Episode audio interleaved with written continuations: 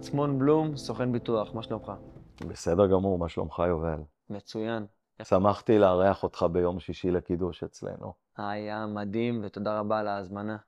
בכיף. נתחיל שבוע מאתגר, כמו כל שבוע שאני מתחיל. מקווה שהוא יסיים בהצלחה. בתור אותך הייתי שמח שתספר לנו קצת על עצמך, מי זה עצמון. עצמון בן 53, נשוי לדניאלה, שהיא גם בת 53, שנינו סוכני ביטוח, הורים לשלושה ילדים, עדי, טל ואופיר, בני 27, 25 ו-22. אנחנו כבר סבתא וסבא לשתי נכדות מקסימות, אמור נטלי ואמרי, בנות שלוש ושנה. ובגדול, אני אחד שמאוד מאוד אוהב את החיים שלו, וסוג של Dream Fulfiller. שם לעצמי יעדים, חלומות, ורץ אחריהם בטירוף. אני סוכן ביטוח משנת 95, מכרתי את הפוליסה הראשונה. אה, גדלתי ברמת השרון. אה, מגיל 14 עד גיל 18, עד גיל צבא, גרתי באנטוורפן, בלגיה, ואז אה, חזרתי לארץ. שמח עכשיו בתור התחלה לשאול אותך, איך הילדות שגדלת בחו"ל השפיעה עליך על מהלך חייך, ואיך גם היה לחיות במדינה זרה? אה, אבי, זיכרונו לברכה, שנפטר בגיל 55, הוא היה איש עסקים יהלומן. ובתור ילד, הנסיעות שלו לעסקי היהלומים שלו בבלגיה, באנטוורפן, שהיא בירת היהלומים, היו ברמה של פעם, לפעמים פעמיים ושלוש בחודש. ולמעשה עבודה נעה בין הבורסה ברמת גן לאנטוורפן.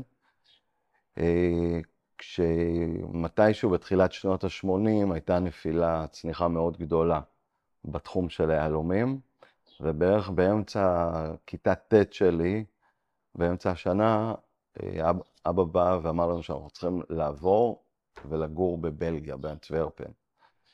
וזו הייתה נקודה אצלי שלא ידעתי לאן, הייתי באמצע גיל להתבגרות, שיחקתי כדורגל בהפועל תל אביב, אה, חברים, חברות, ואתה, שולפים אותך מעכשיו לעכשיו בערך ל...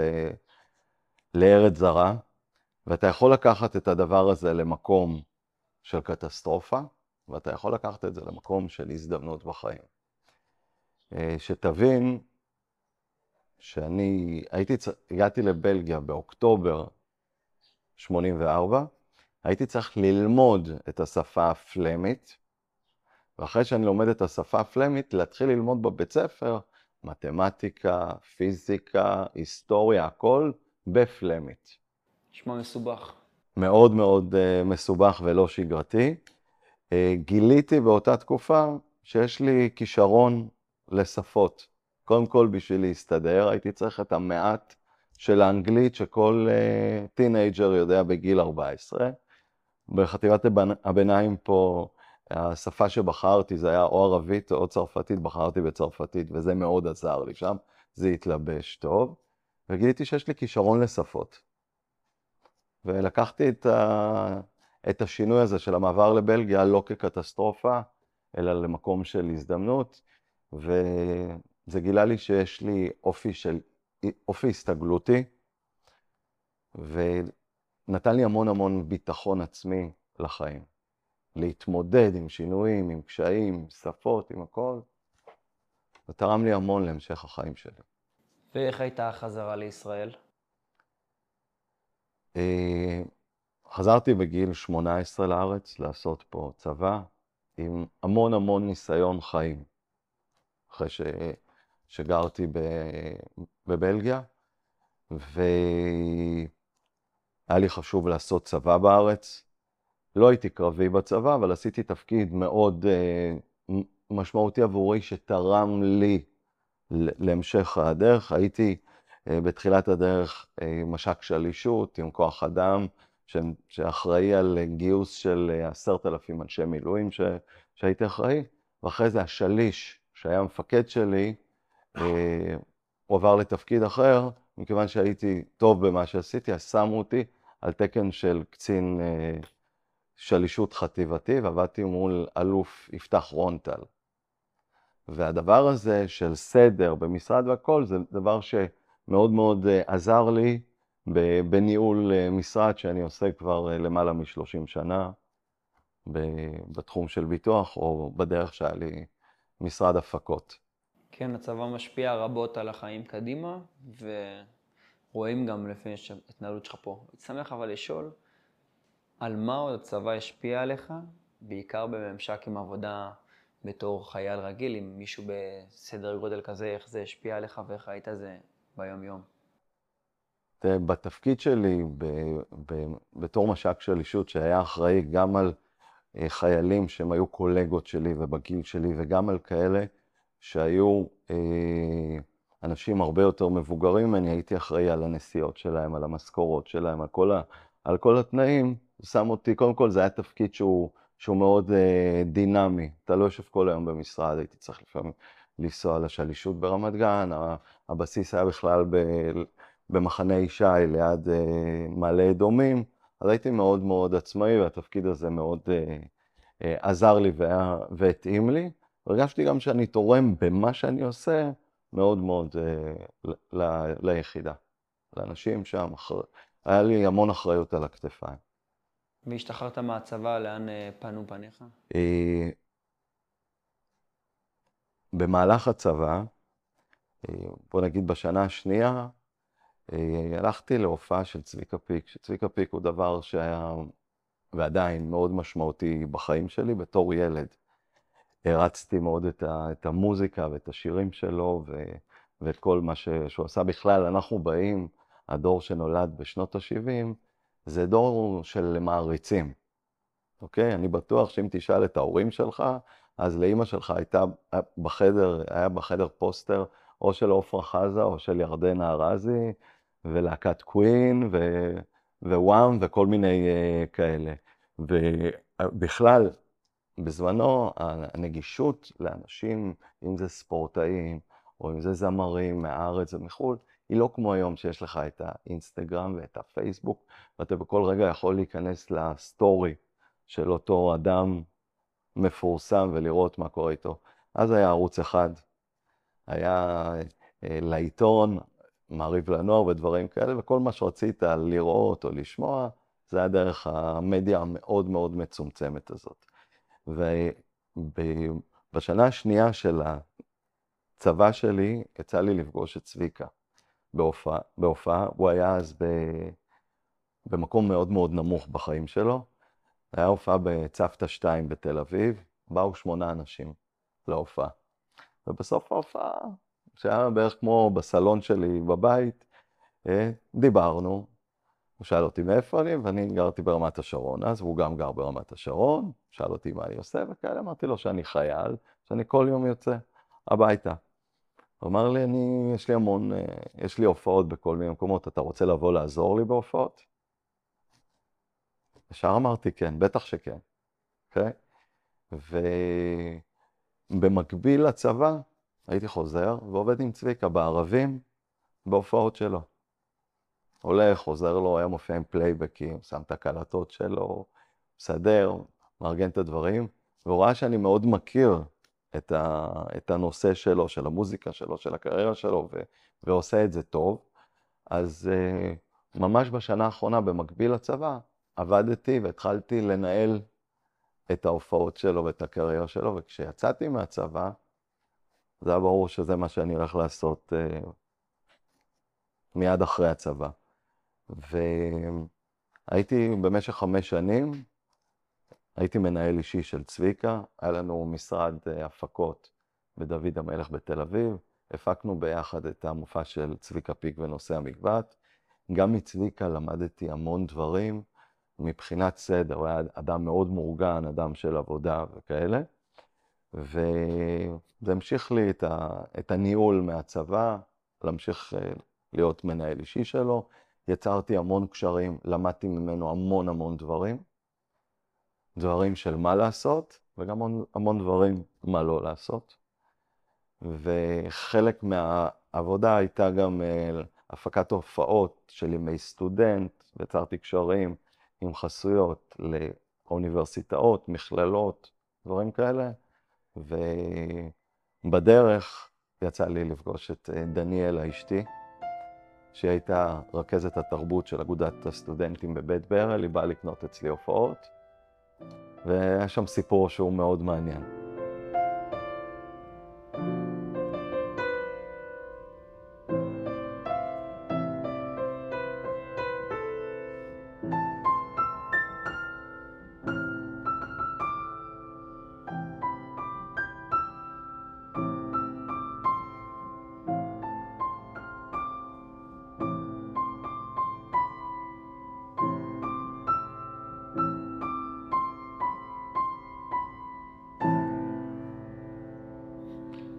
האתגר המרכזי שהיה לך בתור מנהל אישי של צביקה?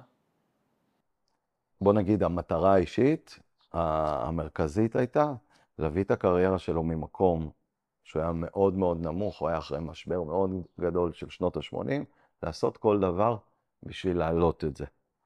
והצלחנו, הצלחתי, הצלחנו בדבר הזה עם עבודה יומיומית, עם המון טלפונים, עם המון נסיעות, עם המון פעמים שאומרים לך לא.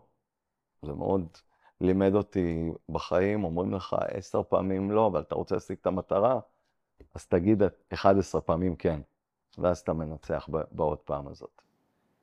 מדהים.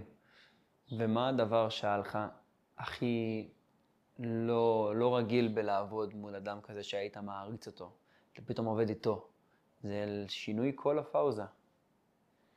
אה, אתה נוגע בנקודה מאוד מאוד חשובה, שלימים גם אה, גרמה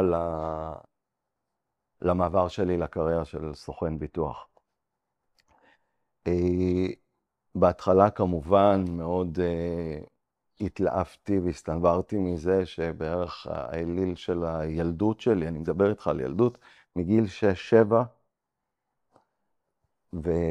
וכשהכרתי אותו הייתי בן 20, אוקיי?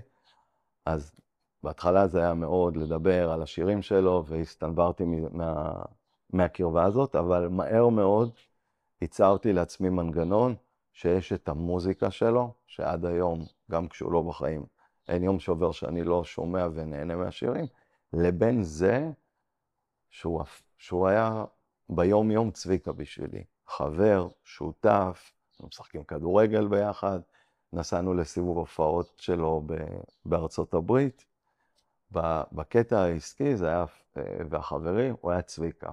במוזיקה זה היה צביקה פיק, אוקיי? Okay? לשנים אחרי שחזרנו מה, מההופעות בארצות הברית, החלטתי שאין בינינו איזושהי פלטפורמה של שותפים כמו ש, ש, שצריך להיות. שותפים באים באותה שעה, פחות או יותר למשרד, יוצאים, מהמשרד, גם באותה שעה נותנים את אותה תרומה למשרד, ומצאתי את עצמי אה, עובד בשביל אה, שני אנשים עם צרכים שונים. אני בזמנו הייתי רווק, בן 23-4, והוא היה כבר בן 40 ונשוי עם ילדים, מה שאני הייתי צריך מבחינת ה-capacity הכספי החודשי שלי, הוא היה X, ואצלו היה X כפול 15. אה, והתרומה לא הייתה זהה, וממקום של זה שהייתי מעריץ שלו בתור ילד והכרנו והכול, הגענו למצב שאחרי שחזרנו מההופעות בניו יורק, אמרתי לו שאני רוצה שנפרק את השותפות הזאת, שזה לא, שזה לא מתאים יותר. הוא די לקח את זה קשה, אוקיי? Okay? אה, היו עוד כל מיני דברים בדרך, אה, שבערך בגיל 21-22 חברנו לאיזשהו משרד שהפיק אותו ואני נכנסתי איתו למשרד, והבעלים של המשרד התלהבו מה, מהעבודה שלי ומהמסירות שלי, והם לקחו אותי להיות אה, מפיק בפועל של הופעה של דודו טופז. ועבדתי איתו שנתיים. וצביקה באיזשהו מקום הרגיש קצת אה, נפגעת, והיו, אתה יודע, כל מיני עליות וירידות בחיים, אבל בסופו של דבר אה, נפרדנו אחרי שחזרנו מארצות הברית, סגרנו את המשרד, אני המשכתי עוד תקופה אה, בתחום של השואו ביזנס, אה, ולימים, בערך מגיל 20 עד גיל 30, 52 שלי, כשהוא נפטר לפני שנה, היינו חברים במשך המון המון שנים. כשהוא היה צריך עצה אמיתית, או שרצה לשפוך את הלב, או כל דבר אחר, עצמון היה שם, הוא היה קורא לי, והייתי איש סודו עד... אה, במשך הרבה מאוד שנים. ואיך היה להמשיך ב, בתקופה מסוימת בשואו ביזנס בלי צביקה פיק? אה, זה היה די, די בסדר, כי הייתי רגיל לעשות המון דברים לבד. ואז הכרתי את דניאלה אשתי, והיא הייתה, היא סיימה את האוניברסיטה, והיינו עושים את ההפקות ביחד. איזה כיף. כן, ממש ככה. איך ולמה הגעת לעולם הביטוח? אוקיי, okay, אה, אני מדבר איתך על בערך שנת 94, 95, היה מצב ביטחוני מזעזע בארץ. כל שני וחמישי פיגועים, אוטובוסים מתפוצצים ודברים כאלה. אה, וכשעבדתי עם צביקה, גם כשנפרדנו, המשכתי למכור הופעות שלו. הוא התעקש על זה שאני אמשיך לייצג אותו. היה קשה למכור הופעה שלו. ואז אתה מגיע ליום של ההופעה ופתאום יש פיגוע. כל מה שעבדת במשך חודש, חודשיים, הכל יורד לטמיון, כי זה כוח עליון, אוקיי? Okay? ופעם ועוד פעם ועוד פעם, ובערך באזור של, של רצח רבין, זה היה הקש ששבר את, את גב הגמל. אה, והחלטתי שאני רוצה לבדוק עוד דברים בחיים שלי בתחום של מכירות, כי ידעתי ש, שיש לי את זה מגיל צעיר בתחום של מכירות. יוזם, מוכר, לא, לא מתבייש להגיע ולא מפחד מזה שיגידו לי לא. לא מפחד מלנסות ולנסות לנסות עד שהדברים מצליחים. לא, שום דבר לא קורה בפעם הראשונה. אה, ואז מי שלמעשה לקח אותי לתחום של ביטוח, שאני לא היה לי שמץ של מושג בכלל מה זה ביטוח ומה זה סוכן ביטוח, הדוד שלי יוסף. יוסי פטל זה הדוד שלי. אה, הוא בא אליי ואמר לי, אני שעובד בפניקס, ידעתי את זה, בתור איש אה, ביטוח, בתור מפקח שאחראי על סוכני ביטוח, הוא אמר שהם עכשיו מראיינים 200 אנשים והם צריכים מתוך זה לקחת 20 אנשים מתוך ה-200, שהם אה, ישלחו אותם לקורס של אנשי מכירות בתחום הביטוח, והם ילוו אותם ונותנים גם איזשהו בסיס של משכורת חודשית ו... ועם עטיפה מאוד יפה. ואני לא ידעתי בכלל מה זה, לא היה לי שמץ של מושג, אבל שמחתי על, על הדוד שלי שהוא רוצה בטובתי ושהוא מכיר אותי אה, במשך הרבה שנים טוב. אה, הלכתי, שלחתי את הקורות חיים שלי, הזמינו אותי למבחנים, פסיכולוג, גרפולוג, נומרולוג, חוץ מסקסולוג, כל דבר שכ... שנגמר בלוג היה שם, ועברתי את המבחנים. והייתי בין ה-20 האחרונים שמתחילים את אה, קו הזינוק להכשרה של אה, שנתיים, וזה התחיל מזה ששלחו אותנו לשלושה חודשים ללמוד את יסודות הביטוח במכללה לביטוח, והיינו צריכים ללמוד, ואגב, לא הייתי התלמיד הכי טוב שהיה בבית ספר, הייתי תלמיד טוב במה שרציתי, במה שעניין אותי. אם זה היה שפות, צרפתית, אנגלית, הייתי ממש טוב בזה, מתמטיקה, והייתי הספורטאי הכי טוב בבית ספר, השחקן כדורגל הכי טוב. אבל לימודים באופן כללי, אף פעם לא הייתי איזה פריק של לימודים. ופה, כשהייתי צריך ללמוד בשביל לעבור את המבחנים בביטוח, שהיו לא פשוטים, עברתי את זה ועברתי את, ה, את השלב הבא. אחרי זה הוציא אותנו לעוד אה, תחום של מבחנים בנושא של ביטוח חיים.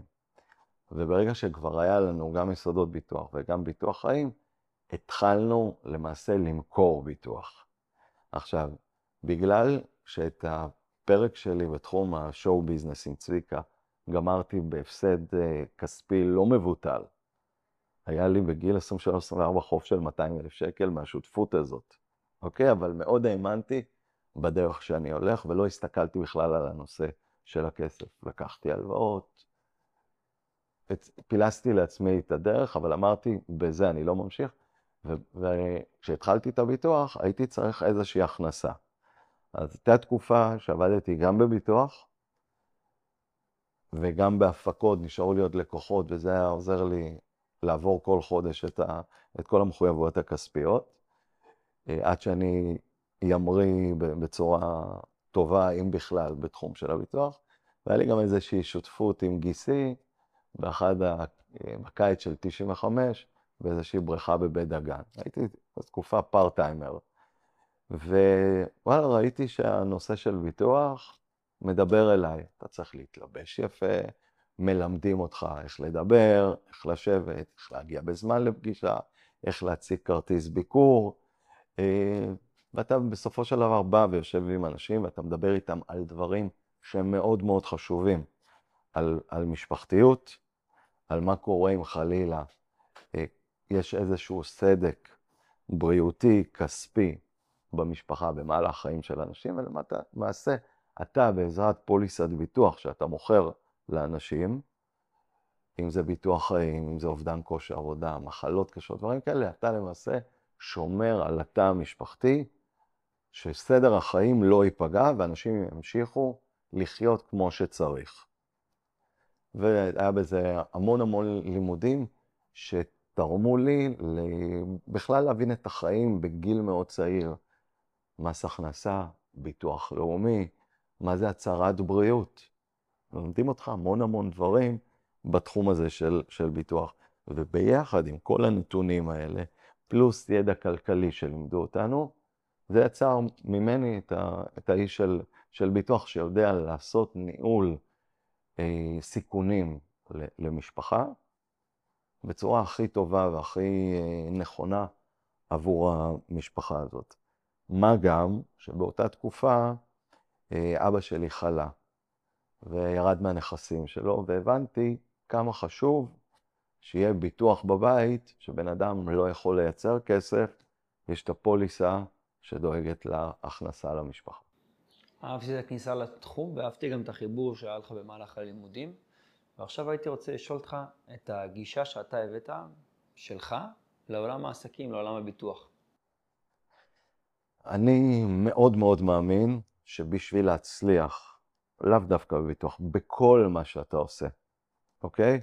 זה יכול להיות אם אתה ספורטאי או קוסמטיקאית, מצליחה כמו הבת שלי, או כל דבר אחר בחיים, תעשה את הדברים עם שלושה איברים חשובים בגוף.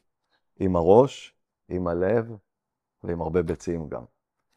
עם הראש, תתכנן ותחשוב הרבה על המהלכים שאתה רוצה לעשות.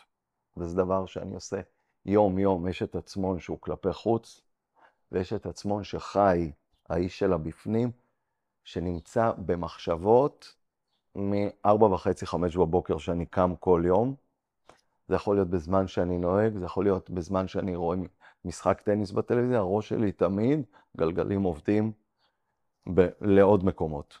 זה הראש. חלק של הלב, תמצא לך משהו אחד בחיים שנותן לך, שאתה עושה אותו עם, עם המון תשוקה, אוקיי? עם המון passion, עם, עם, באהבה גדולה. כל מה שאתה עושה ותעשה אותו באהבה, אתה א', תעשה אותו בצורה מצוינת.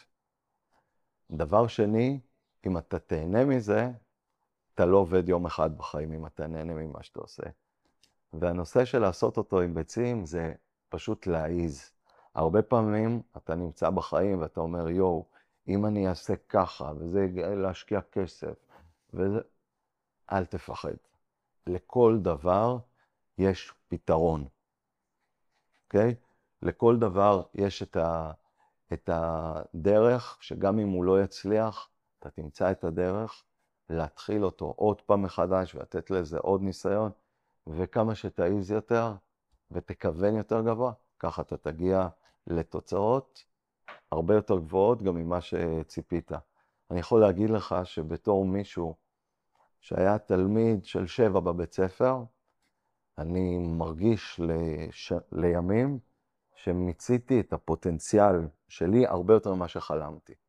דבר נוסף שאני רוצה להמליץ לכל בחור, כמו שאמרת, שיצא מהצבא ויצא לעסקים, או בכלל לעולם, תשים לעצמך כל הזמן, תשים או תשימי מטרות וחלומות והכול, אתה תגיע, תגיעי לשם. אוקיי? Okay? וגם אם זה לא יגיע לפה, זה יגיע לטיפה יותר נמוך, ועדיין זה גבוה הרבה יותר מנקודת המוצא. לא לפחד, לחלום, וה, והחיים הם פה ועכשיו.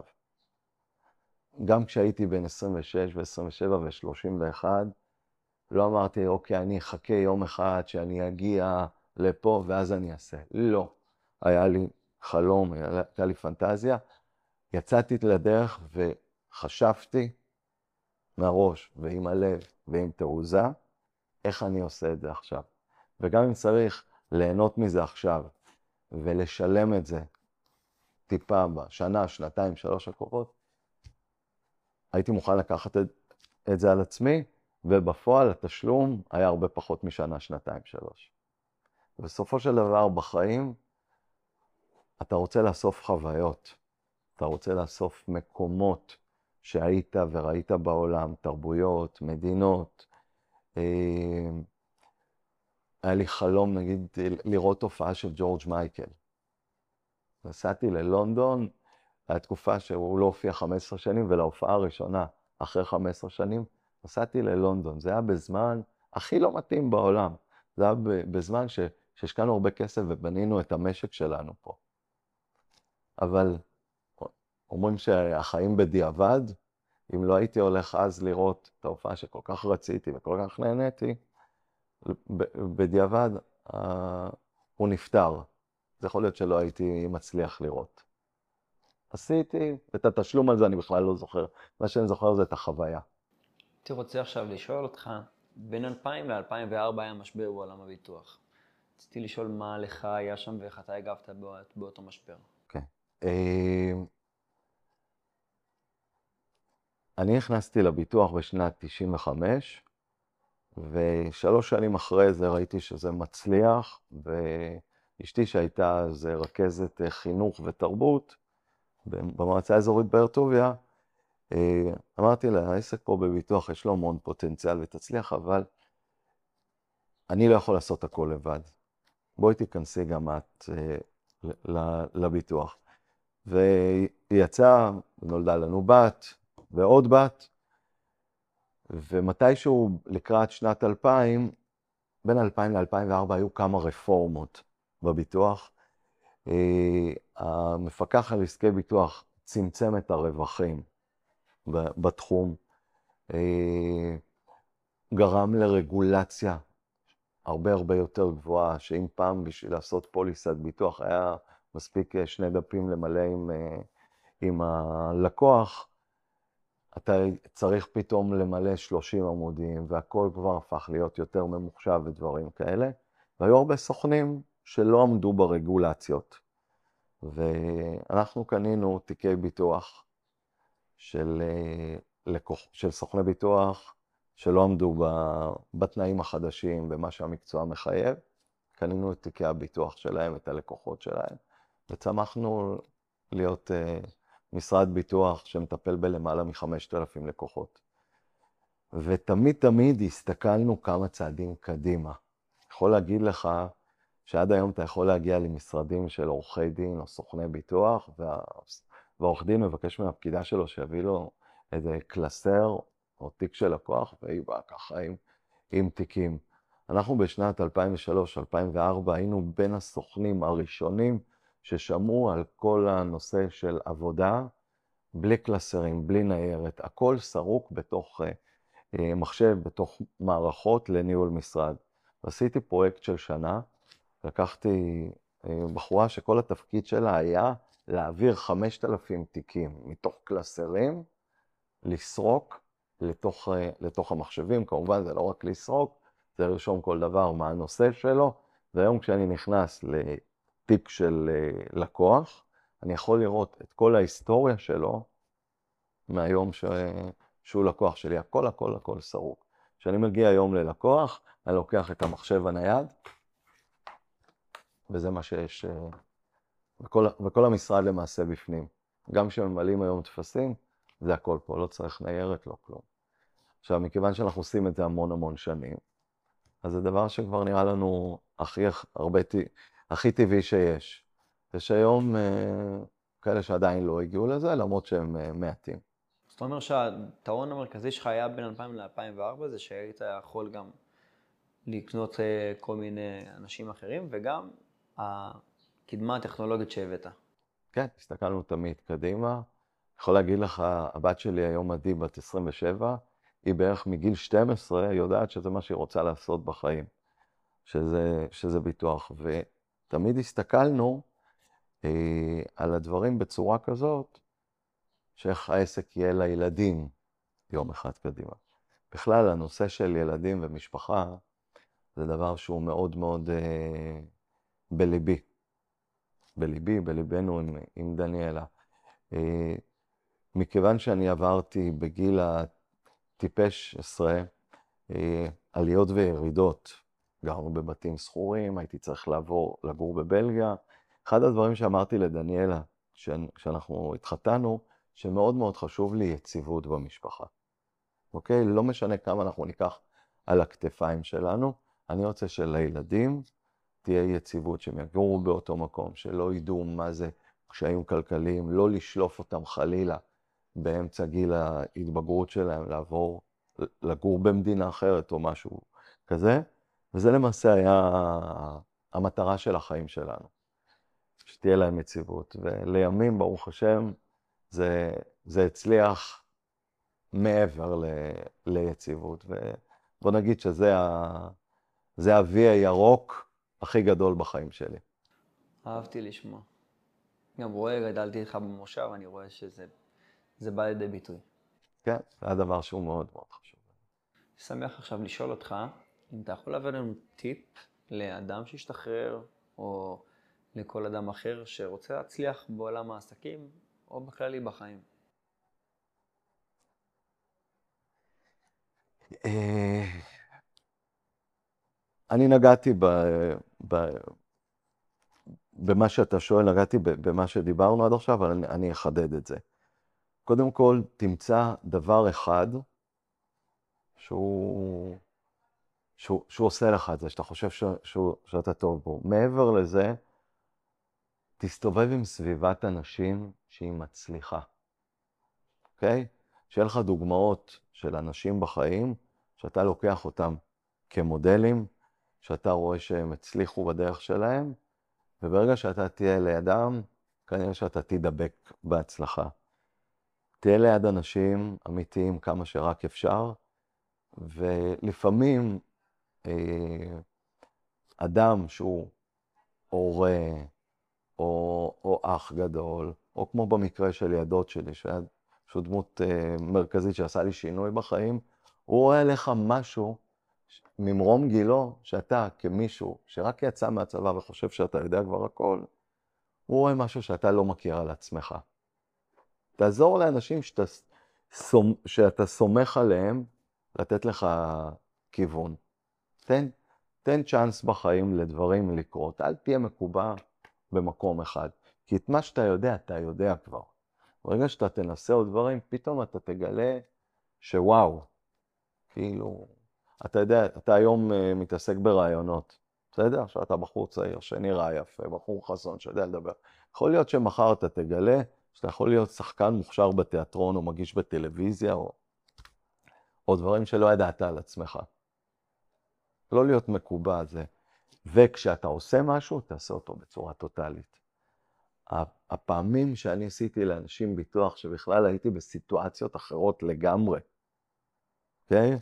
זה, זה פשוט, יש לי סיפורים מפעד הודעה חדשה, על נהג מונית שבא לעזור לי בכלל להחליף פאנצ'ר ב, ב, ברכב שלי, שאני הייתי מעונב בדרך ל, להרצות לפני אה, סוכני ביטוח, הוא בא לעזור לי, בסוף אה, יצא שהוא נהיה לקוח שלי.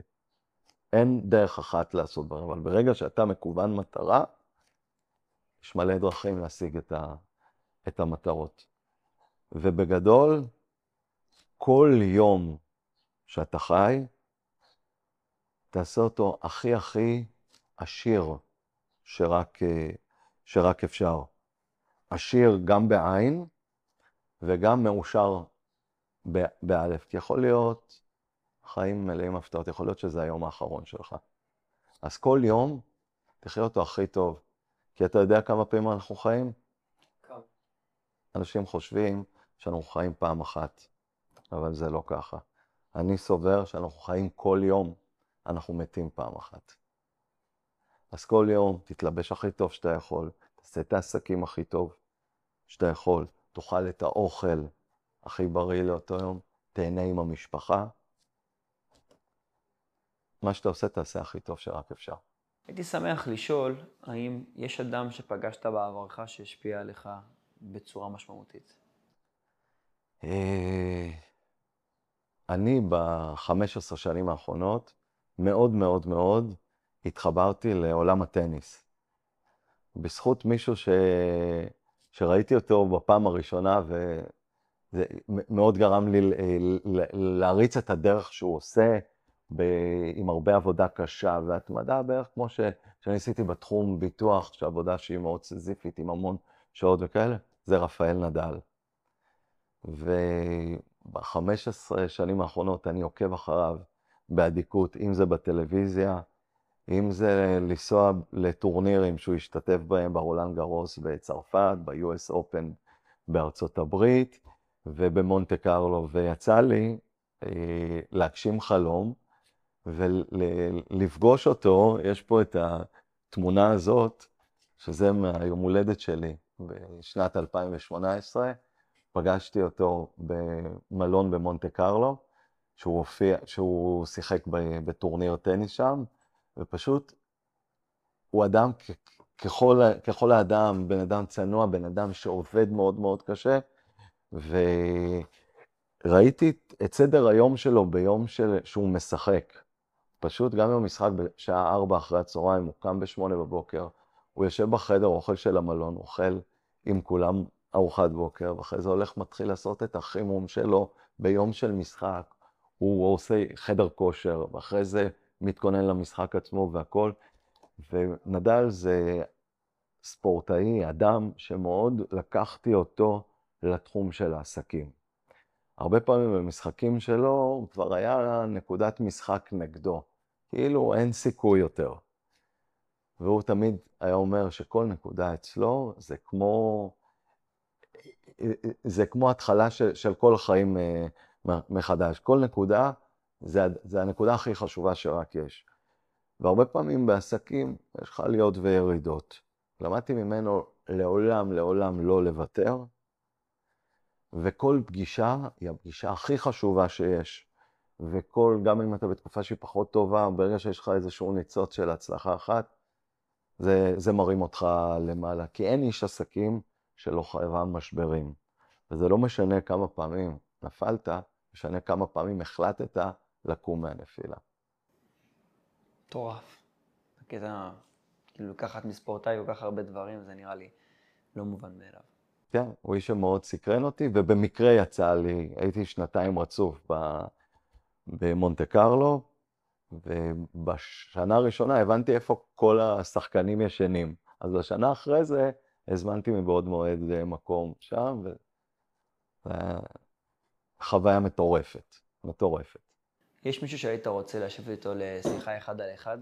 אה, אני אגיד לך, יש בן אדם ספורטאי, שאני מאוד מחובר אה, לספורט, שמאוד מאוד אה, נראה לי שיש לי המון המון תחומי עניין משותפים איתו, אם זה ספורט כדורגל, אם זה אה, אופנה, שאני מאוד מאוד אה, מתחבר לתחום, או מוזיקה, זה דיוויד בקאם, שהתחיל מלמטה למטה למטה את החיים, והגשים את החלומות שלו.